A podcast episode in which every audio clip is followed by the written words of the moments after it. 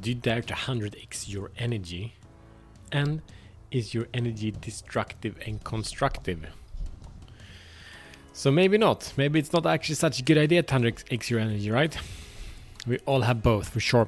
welcome to Show the Fuck Up Minute. My name is Matt Fyron, and this show is for men that are committed to stop playing small and unleash their personal greatness. So, with daily challenges, we grow together in the four areas of a meaningful life purpose, passion, power, and profit. And this is for sure a conversation about power. And it, when you access and harvest this power, it leads to profit, it leads to passion, it leads to life of purpose. And I'm coming from a place of really want to sharing a, a recent, very recent struggle, struggle I had this week or last week, and uh, I'm just coming out of it now. But I want to share the naked truth. I fucked up. All right, are you willing to hear that? Thank you. So the problem is with increasing power, increasing energy calls us for greater focus. Everything gets amplified, the good and the ugly, and everything in between. So my energy, energy and potential focus has never been greater than now. Yet, this time, this particular time, my shadow won over me.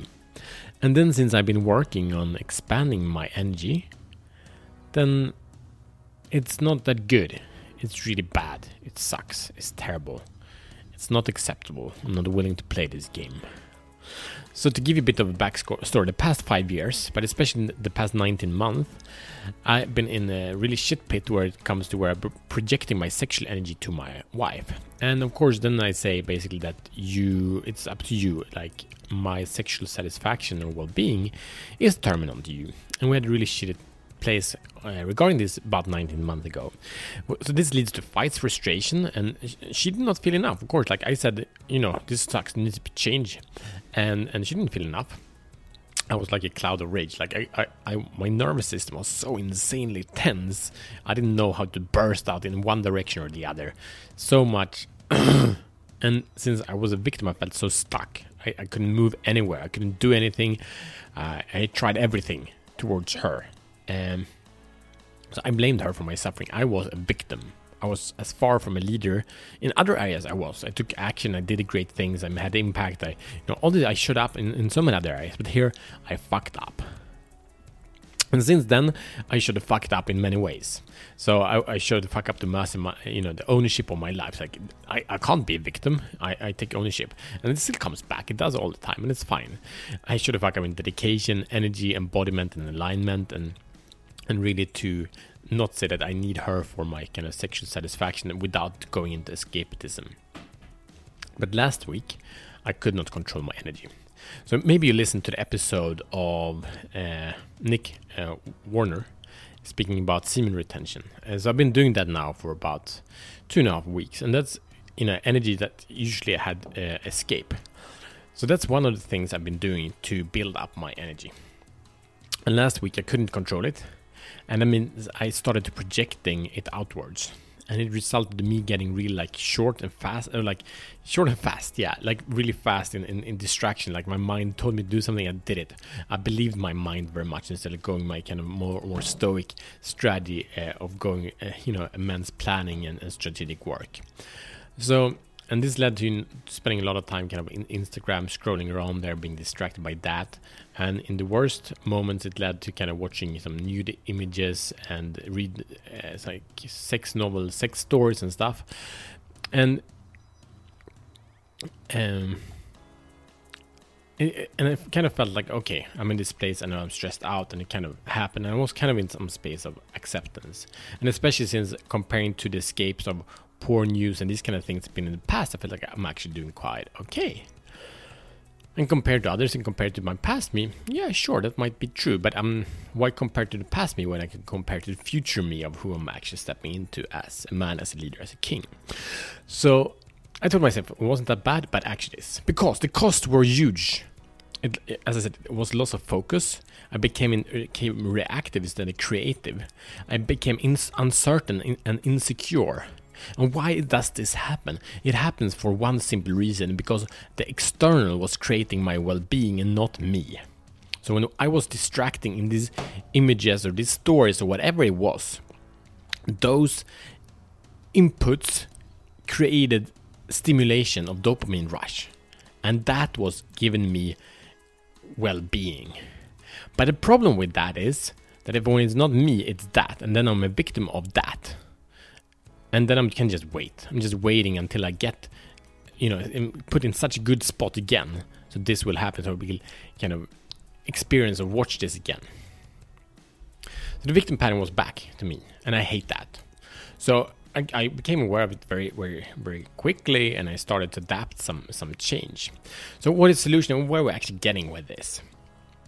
We're gonna go and enhance and empower your focus. I'm gonna share with you quickly what I did and what I'm in, in process of doing to show the fuck up. So, to my core, to my alignment, I recognize one what what is the stress that drove me to seek the external state shifts, right? Because as it is, it's ways of changing the, the, the state quickly, rapidly, really, really powerfully. What drove me to, to be there in need of those external state shifts? Number two, this is not a challenge, come to that in a moment. Um, I, I answered the question, what do I do not want to be? Or do I want to be the man, I would say? Do I want to be the man that is the victim of his environment? Um, and then I ask myself, I say, I do not want to accept creating such a world I was creating. Be, being, you know, not as as loving towards my environment, being my wife and my kids. So basically, I was creating a world of suffering and misery because that's what I do when I follow my shadow mission.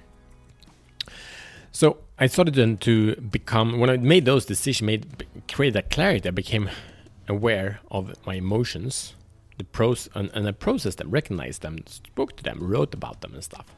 And then I had some triggers like sleeping earlier, take breaks, set intentions in my in my work and in my kind of state shift when I move from like say work to, to parenting and so on. And then use a, tools and accountability. For example, uh, I, I, can block apps on my phone because I uh, I use some apps, uh, and and uh, so I can't do shit that I know, and and I, I go through that phase that I get distracted. It can be YouTube, it can be whatever, but then I use these apps because then they then I'm not in charge of my life, and that's kind of okay because I help them to support me as well as accountability, asking for help by others. So here I know this is a long conversation, and I'm really grateful for your your you're listening to this because it's it's probably one of the you know very vulnerable uh, challenging point on a machine you know. Especially i you know all from all these things i do i shouldn't end up in this place. But it happens and it's okay. We get back up we learn. So that's the most important thing. So your mission here should you choose to accept it. Number one identify emotions of stress overwhelm tension unsatisfaction anger rage.